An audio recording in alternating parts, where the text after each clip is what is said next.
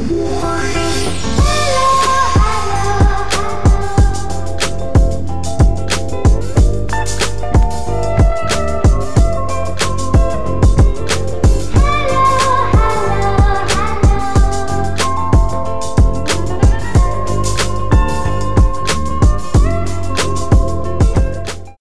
lagi di Celatu Podcast CCTV Kopi Hijau. Bersama saya Aryo. Dan saya jubrek Kau bangun gak tako? enggak Biasanya tako enggak aku topoy. Aku beberapa minggu depan mungkin pakai menang ya. Oh iya. Jadi yang belum tahu habis kena kasus ya Jubrek ya? Hmm, Pengakuan dosa. Iya. Dari Sobat Jubrek. Jadi nanti bakal mempengaruhi kemampuan adlibnya Sobat Jubrek. Tapi kita doakan semoga Jubrek kembali ke keadaan normal ya amin. Biasanya narik EE moci kayak arek SMP iya aku kudu emu sih bangsat aja nih emu mode. Gara-gara kasus yang lagi hits minggu-minggu ini. Kasus apa? Aku nggak ngerti. Jelas wah dong. nanti kita jelaskan. Maka dari itu aku manggil tetanggaku brek. Gak omai ado fuck. Hah? gak tonggo nemen jadi oh gimana? Iya gak tonggo iya iya. Gak tonggo ya nggak nemen. pakai tonggol. Ya wis. Dia ini temen SMP ku. Hmm. mari SMP gak tau ketemu mana tapi sih oh baru lagi ketemu ya yoi saya di prospek yang celatu karena sesuai dengan topik hari ini dan gimmicknya dapat ya kita sambut ya tetangga saya ini Mbak Jasmine Hai. Halo Mbak Iya, Jasmine. hai. Gimana kabar? Baik. Baik banget. Oh, nama Iya. nama lengkap siapa Mbak? Mbak Jasmine. Jasmine aja. Jasmine aja. oh, Jasmine aja Mm-mm. Hmm, iya iya iya. Ya thank you di sini thank you Aryo, thank you Jubrek udah ngundang aku di Celatu. Thank you banget. I'm so honored ya. Wih, Ya kok pertama kini kok kini podcast miliarder aja, Ci. Kini kalau podcast yo abal-abal. yo iki lah fake it till we make it ya. iya Oke. Fake it till make it. Iya. Ya from zero to hero dong. Yoi. Oke. Status gimana? Udah menikah, single? Kenapa? Udah menikah Belum apa single? menikah. Single Oh. tapi. Belum menikah. Em simpulkan aja sendiri. Single apa udah complicated apa udah complicated punya Em, udah punya ini Aku pacar? memilih untuk tidak menyebutkan untuk menceritakan masalah cintaku ke siapa pun sih. Oh. Iya. Ya bilang Terus aja. itu masalah private life, Oh. private. Iya. Iya bilang aja susah move on ya. Enggak juga sih sebenarnya. Oh gitu. Iya iya. iya. itu masalah privasi sih, oke. Oke oke. Iya.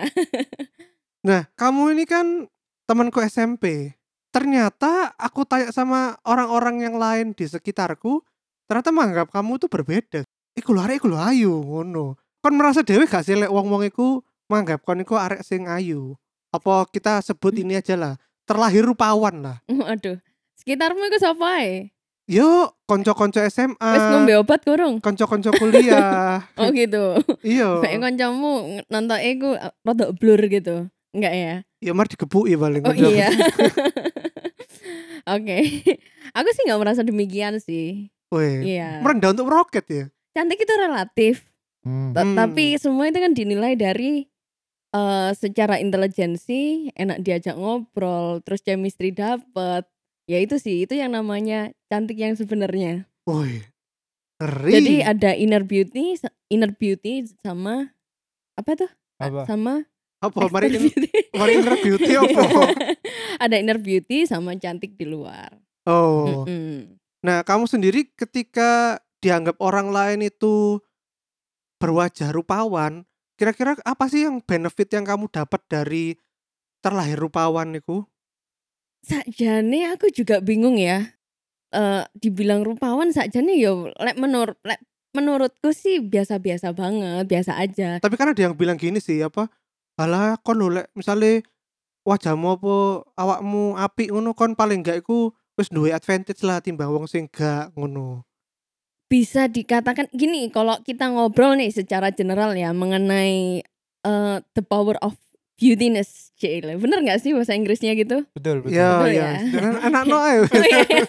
betul kok betul ya kalau aku bilang sih secara umum, in general nggak cuman aku aja. Hmm. Itu ada plus minusnya. Kalau untuk berwajah good looking ya. Mm-mm. Nggak ini nggak berlaku untuk aku aku karena aku merasa aku biasa aja dan ini kita ngomong secara general ya karena apa itu sih menurutku ada plus minusnya. Misalkan nih kayak plusnya ya oke lah. Tuh contoh nih temenku ya dia jadi cukup populer dan juga ada eye catching lah.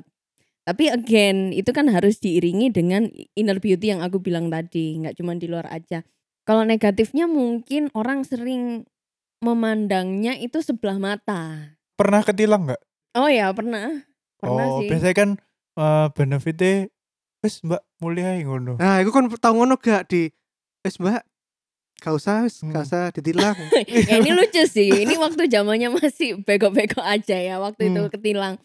Ketilang waktu itu nggak punya SIM. Mm-mm. Ketilang waktu itu nggak punya SIM tepatnya di Jalan Pemuda. Hmm. Nah, di Jalan Pemuda aku bingung waktu itu aku masih umur berapa ya? Di bawah 20 tahunan lah. Hmm.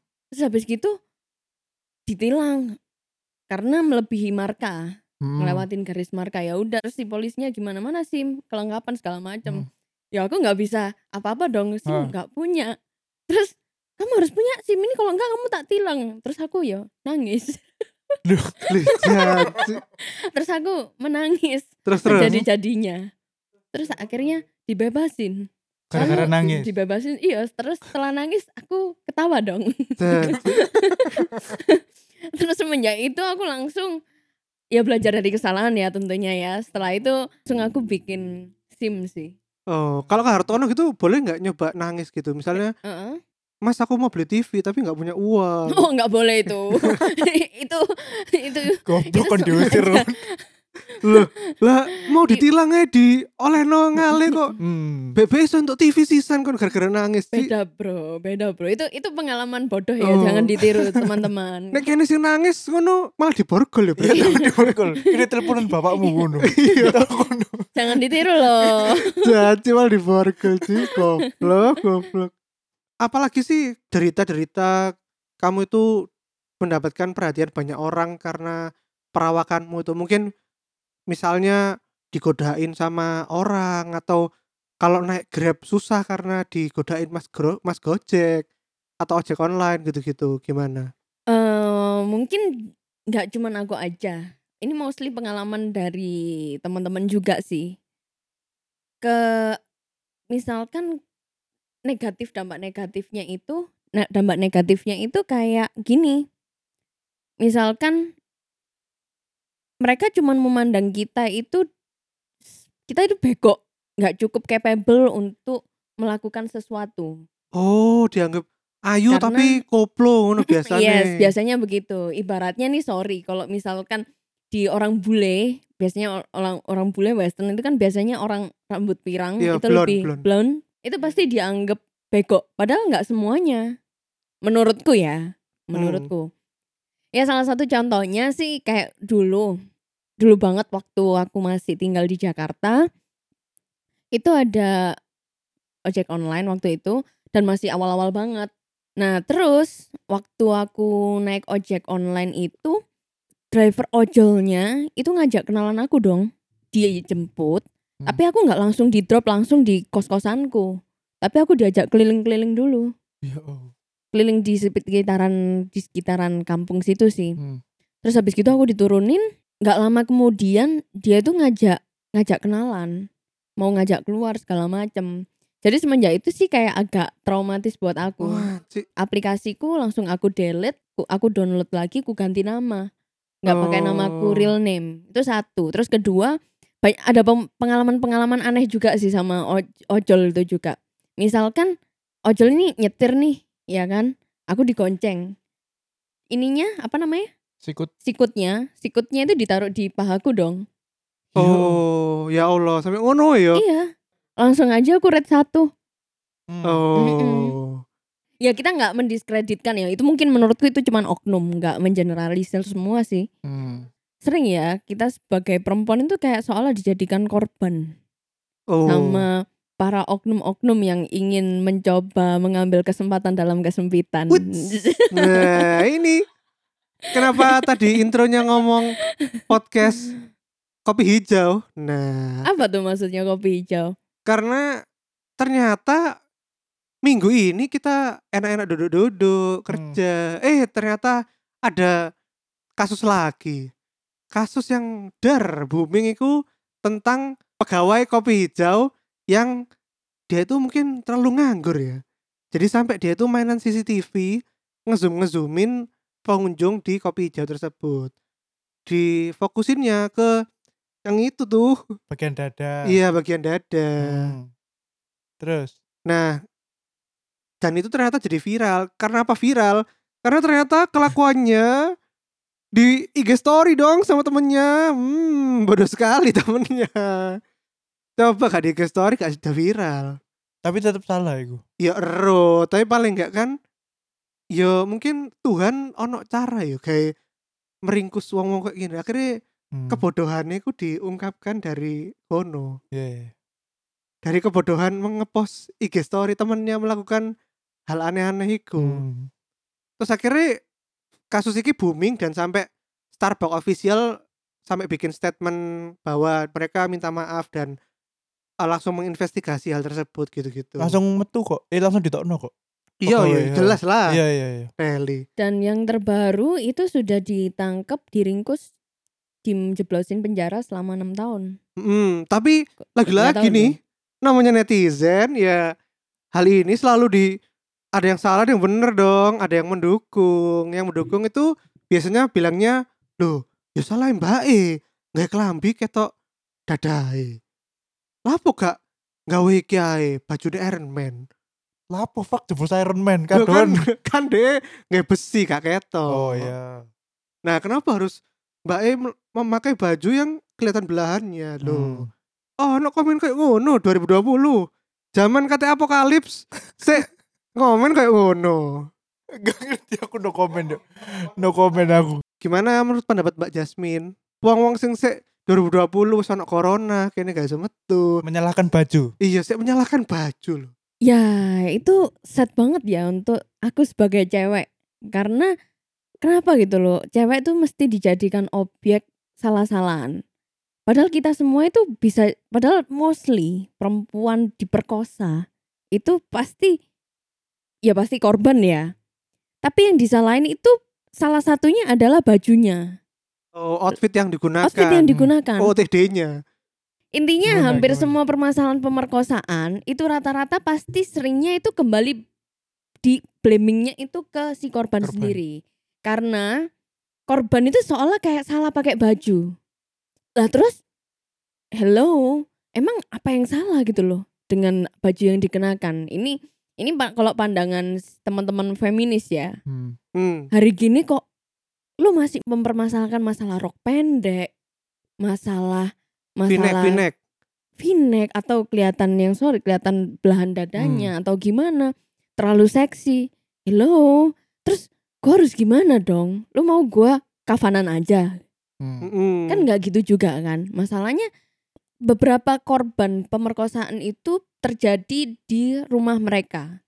Nah kalau di luar kita pakai baju yang ya oke lah oke mereka nyalain gitu ya oke fine di luar karena di luar kita banyak strangers nggak karu-karuan Hmm. Hmm. Nah, tapi di dalam rumah pelakunya sendiri adalah keluarga terdekat sendiri. Hmm. Kayak sorry, kayak misalkan ayahnya, kakaknya. Wuts. Nah, si perempuan ayahnya, kakaknya atau kak- kakak iparnya, kakak tiri atau segala macam. Pokoknya lingkup keluarga. Nah, apa kalian masih nyalain baju pakaiannya?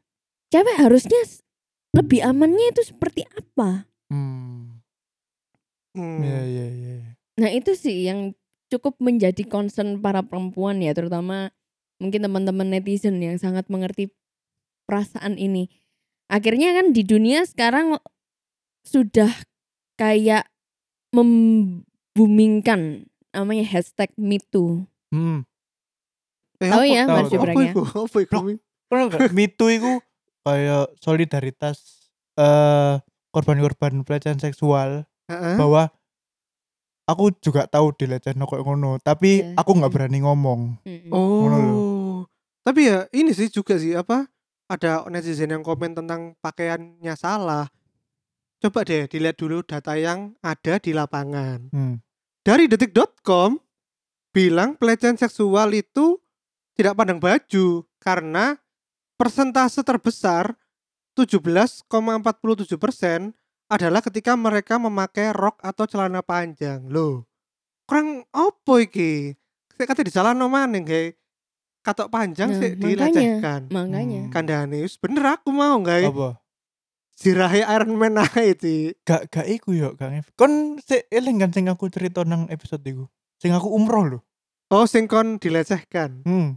Kamu tahu nggak? Aku dilecehkan waktu Gak umroh. deh, gak ngrungokno Oh, nggak- podcast. oh, nggak ngerti ya? Gak ngerti ya. Jadi kon kudune yo arek mitu kudune, Brek.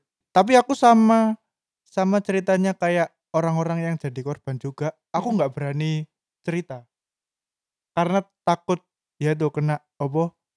Kena stigma gitu-gitu. Ya this exactly. ya kan Makanya- makanya ta- iya. takutnya makanya aku aku nggak pernah cerita baru cerita yang waktu itu itu nggak tahu tiba-tiba anak-anak nganggap aku homo atau apa nggak ngerti Terus ada yang bilang juga, "Loh, lo salah mbak eh gak kerudungan." hmm. Gak deli sih nyalano agama lo. Iya. Emangnya lek wedok gak kerudungan gak kena pelecehan. Ya tetep aja bangsat tetep tetep berjilbab pendek atau sedang itu termasuk top 5 korban pelecehan seksual hmm. ketika memakai jilbab loh.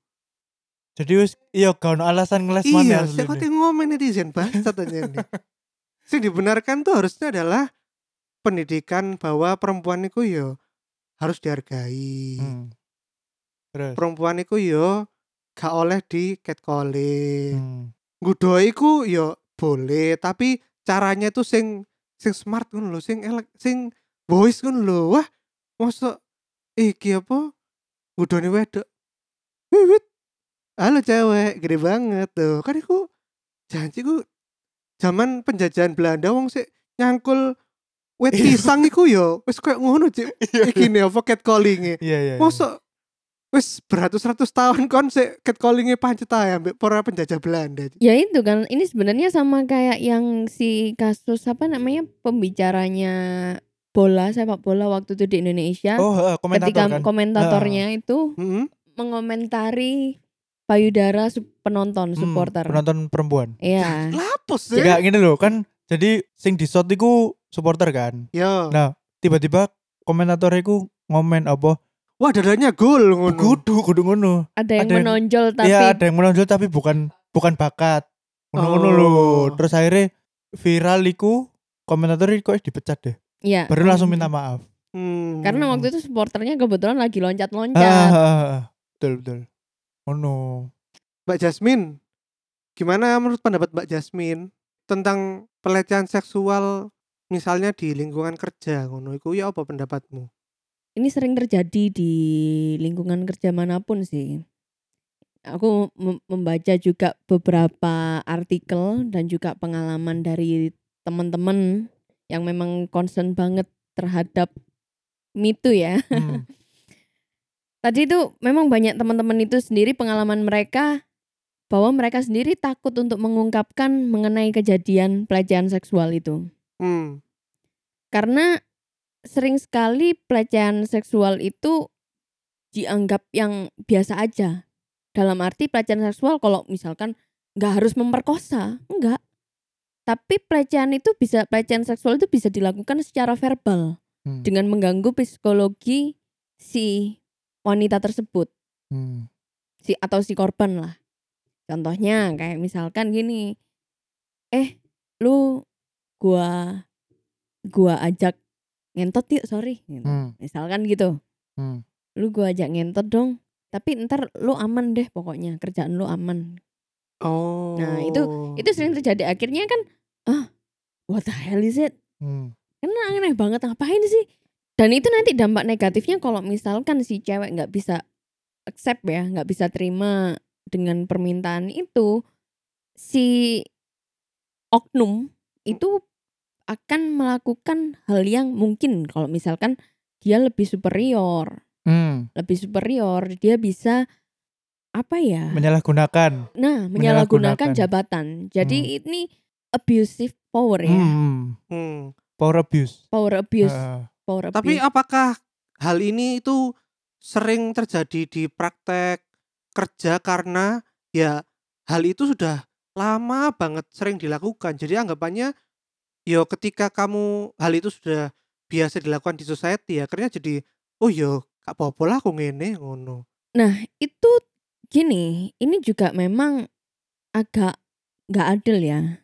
Karena sering sekali ketika kita pihak korban ini membuat pelaporan kayak ngomong misalkan ke HRD HRD ya salah satu contohnya itu eh gue mengalami ini. Tapi ya nggak ada Gak ada solusi ya? nggak ada mungkin nggak ada solusi di Hmm. sana mungkin ya karena tahu si orang tersebut oknum tersebut adalah lebih tinggi oh Hmm. iso mencet Di- HRD ini sisa Iya, misalkan misalkan Aduh, seperti aduh. itu misalkan Hmm. seperti itu akhirnya kan bisa jadi sampai di level atas atau gimana orang itu pasti bakal menilai ya dibandingkan untuk kemajuan perusahaan untuk effort perusahaan mana yang lebih bet- better gue ngebuang si korban apa ngebuang si si pelaku oh iya benar Hmm. benar Nah gitu. Jadi kan lebih ya sudah nilai value-nya itu seolah kayak oke harga diri gue nggak sebanding ya dengan dengan apa ya? Dengan keuntungan yang akan didapatkan perusahaan dari mengkip Iya. orang itu padahal dampaknya cukup bahaya karena gini sekarang apalagi di zaman sosmed sekarang ya Mm-mm. kayak screenshot itu bisa menjadi senjata. nah iya senjata benar paling benar. ampuh. Hmm. Nah, ketika ketika si perempuan koar-koar mengajak mengajak teman-temannya yang mungkin bisa menjadi korban dari oknum tersebut ketemu segala macam dengan menggunakan hashtag MeToo itu tadi. Hmm. Akhirnya kan kalau dikerucutkan akhirnya membawa dampak buruk juga ke nama perusahaan. Hmm. Nah, ini yang saking terlihat ini yang salah satu contoh kopi hijau itu tadi. Itu Hmm. yang kelihatan banget di mata. Kalau mungkin di perusahaan lain kalau misalkan nih nggak tahu umumnya misalkan orang itu ada power atau gimana kan di tag-nya itu susah. Mungkin ada ke- kekuasaan tertentu atau Hmm. ada untuk menyembunyikan hal-hal demikian. Hmm, tapi menarik sih. Zaman sekarang, zaman di mana orang udah bisa moto dan membuktikan kejadian nyata di depannya, itu bisa mempermudah pelaporan juga kan. Betul. Kayak kayak misalnya zaman dulu kan kita nggak bakal bisa ngomong kalau misalnya si A melakukan pelecehan seksual. Hmm. Karena jan biyen kamera di- digital larang, Hmm. HP yo Nokia sing mek iso dolan snake. Eh, 3GP bro. Hah? 3GP ya ampun. Poliponik. Iya poliponik. Iya, dosa tapi kotak-kotak. Waduh. Rugi rek dosa kotak-kotak. Zaman sekarang kan kita udah tahu ya bahwa mudah sekali Hmm. melaporkan orang. Contohnya di E100 dong. Kenapa? Orang salah parkir aja dicekrek. Mas, Sama- parkirnya kok miring-miring gini ya mas? Nggak sesuai Oh, marka. iya, iya, iya. S100 apa itu? Di- Dijelaskan dong. Suara S100 Surabaya. suara ya? Surabaya. Iya. E100 suara Surabaya. Iya. Radio Kebanggaan Kebanggaan Surabaya. Surabaya. Radio pemudik. iya. Radio pemudik. dari perkembangan zaman ini dan gampangnya orang itu melaporkan. Menurutmu pelaku di zaman-zaman sekarang ini lebih berhati-hati atau dia tetap yo melakukan aksi-aksinya Ya. ngono?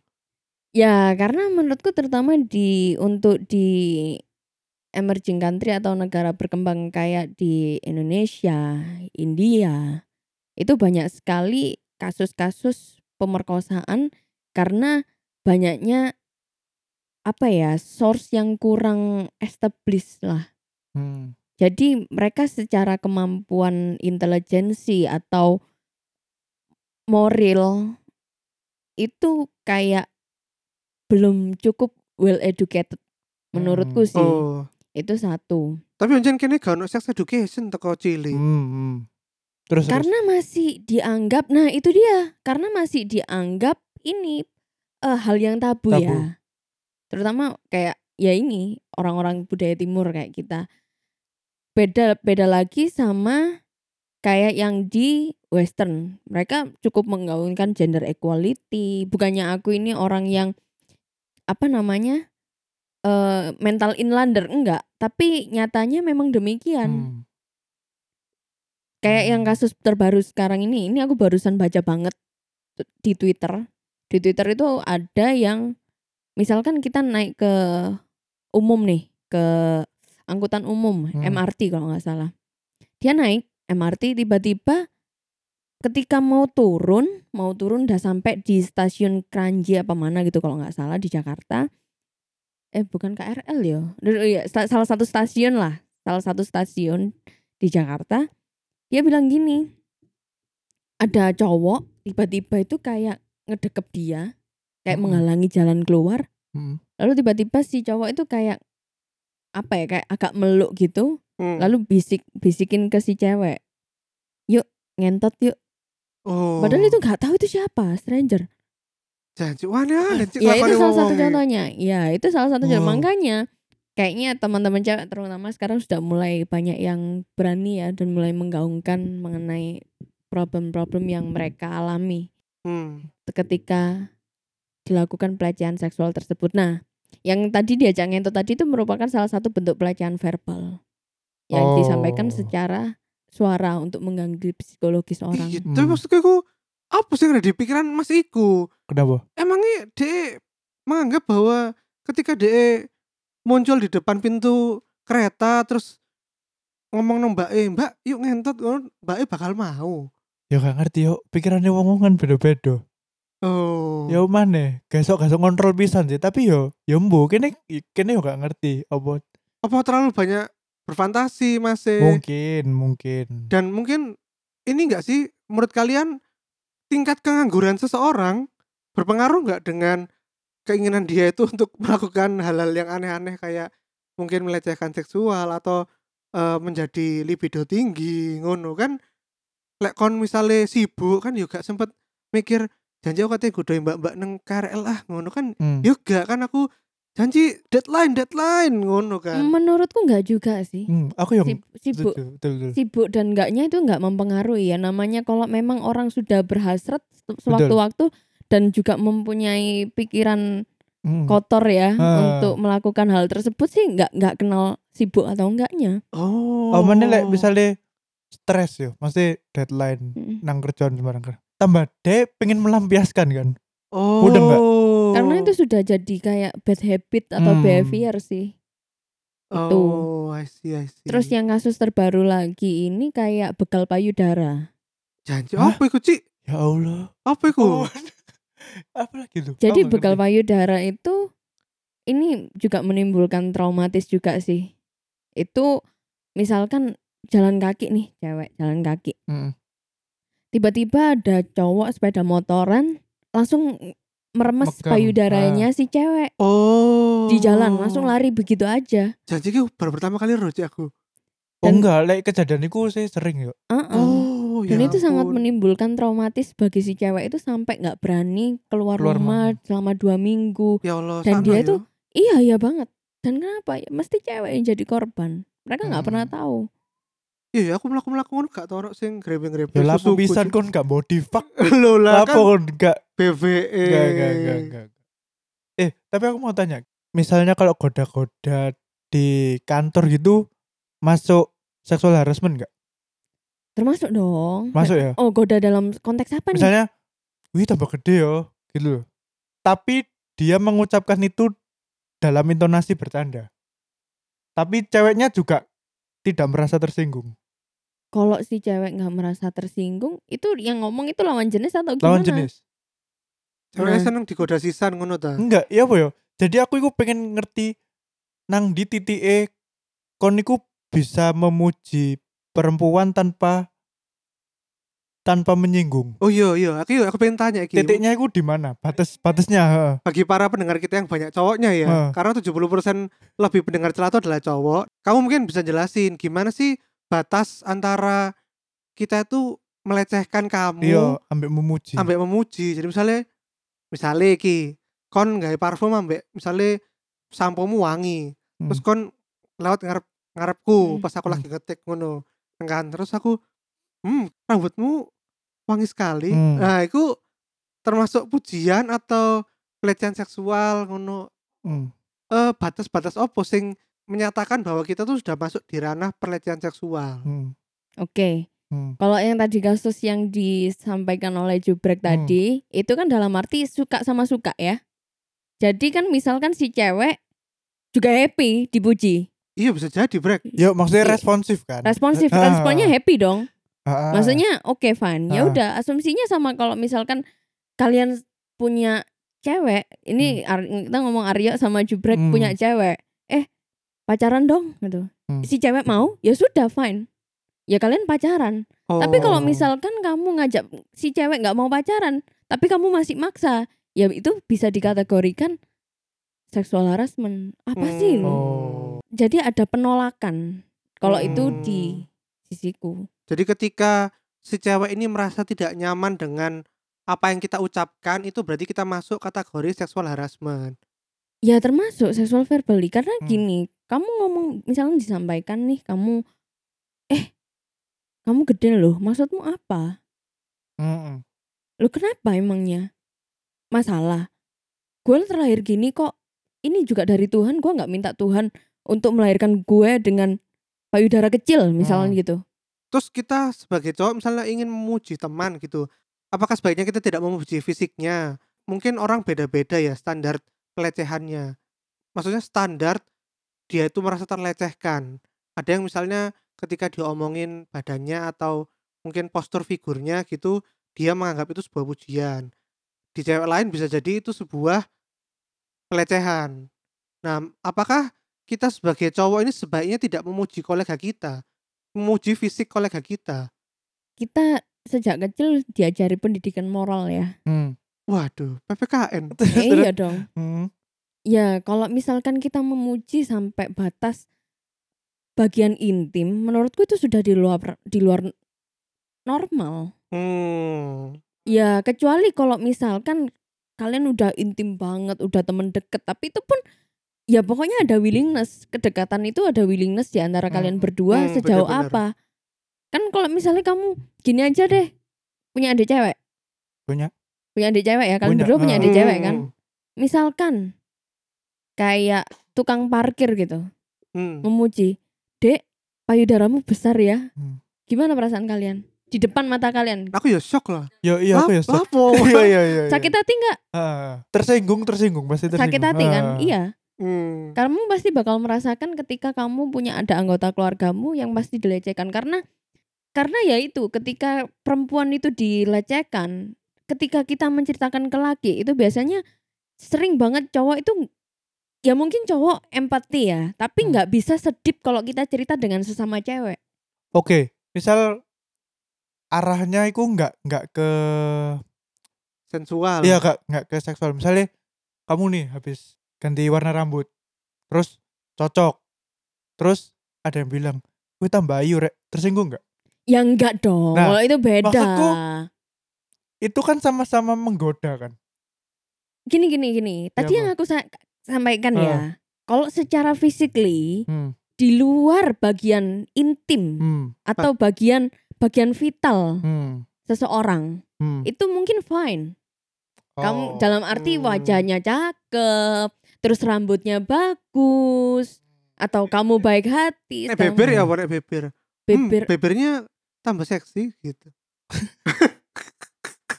Atau hmm bebernya tambah merah. Oh no. Rada abu-abu. Nek Hmm. bibir kan bibir itu bisa juga seksual bisa tidak sensual juga. tapi tetap aja tiba-tiba gini deh, kamu misalkan eh punya atasan nggak sih bos atau orang yang kalian respect Kalau aku punya, punya ya, ya. bos. Tiba-tiba misalkan bosmu itu punya sekretaris. Hmm. Terus tanya, "Eh, bibirmu seksi itu. Pantas nggak?" Yo gak pantas sih. Ya sudah, itu aja Oh. takarannya.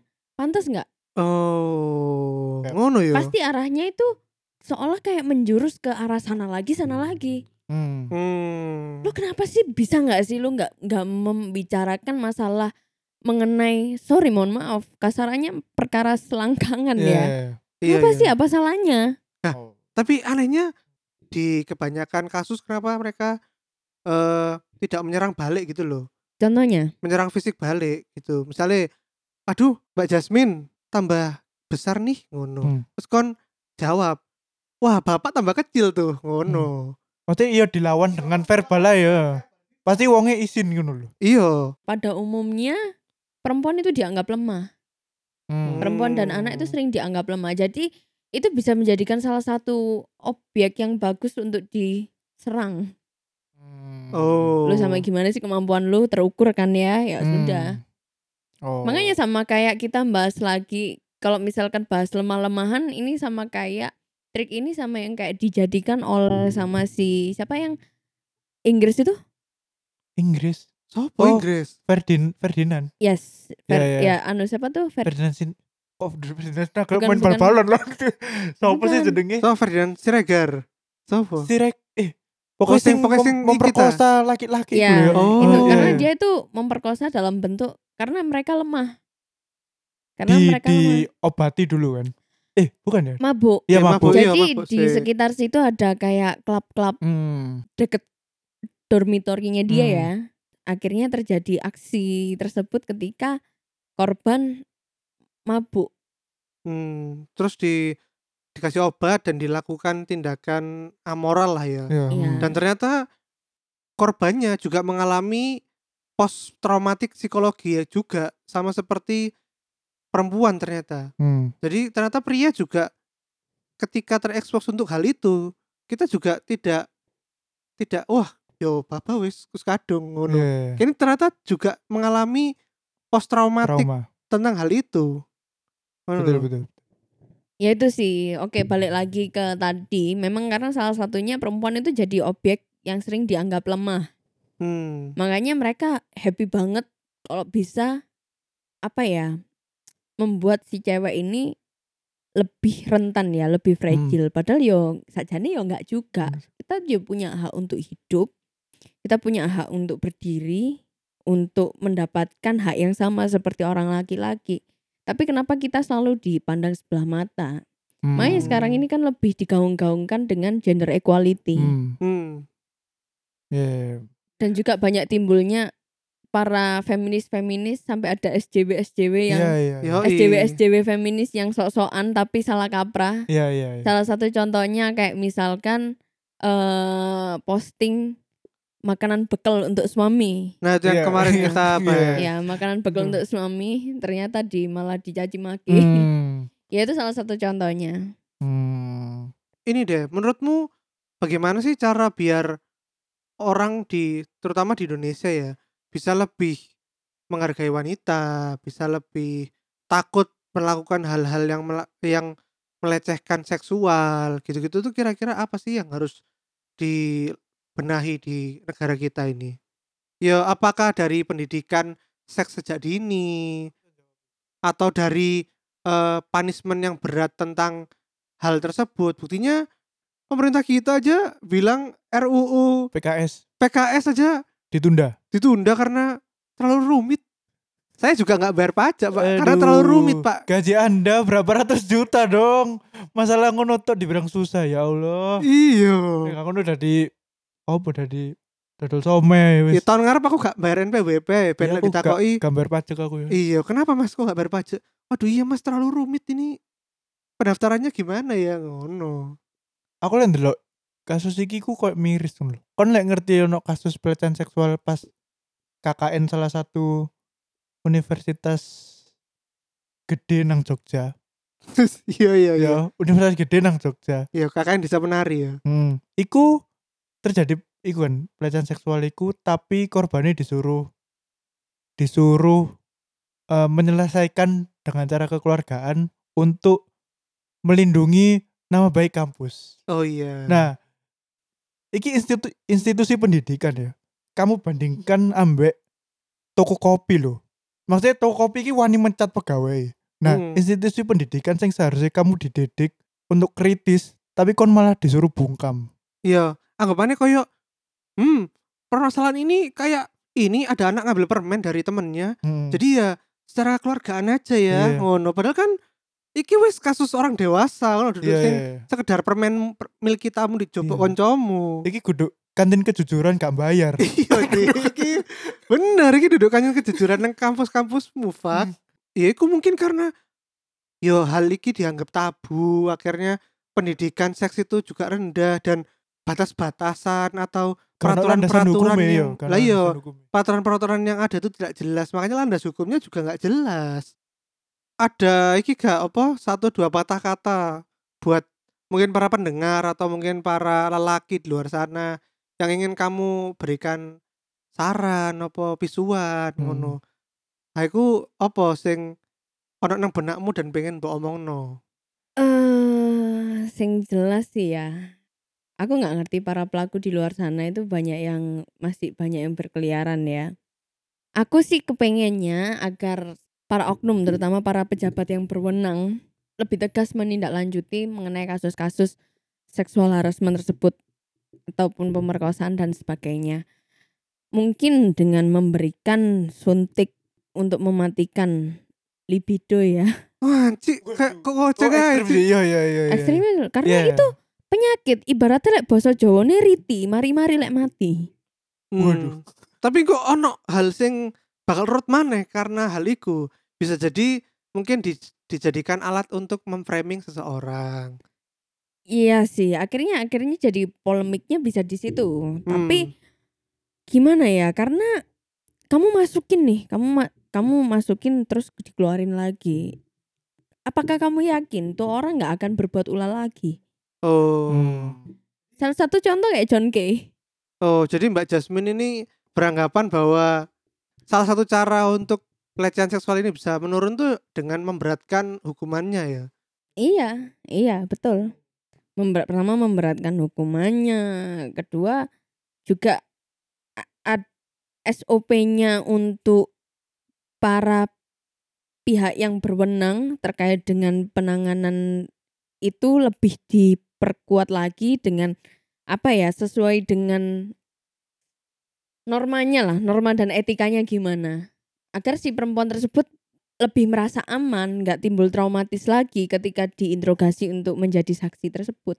Ya terima kasih atas waktunya Mbak Jasmine. Mbak yang namanya sungguh. Melati. Melati. Jasmine kan melati. Iya, iya. Jangan lupa komen dan follow Instagram Celatu at Celatu Hmm. nggak pakai H ya. hmm, Celatu. hmm. Dan juga Twitternya apa, Brek? Di at podcast selatu. Nah, itu.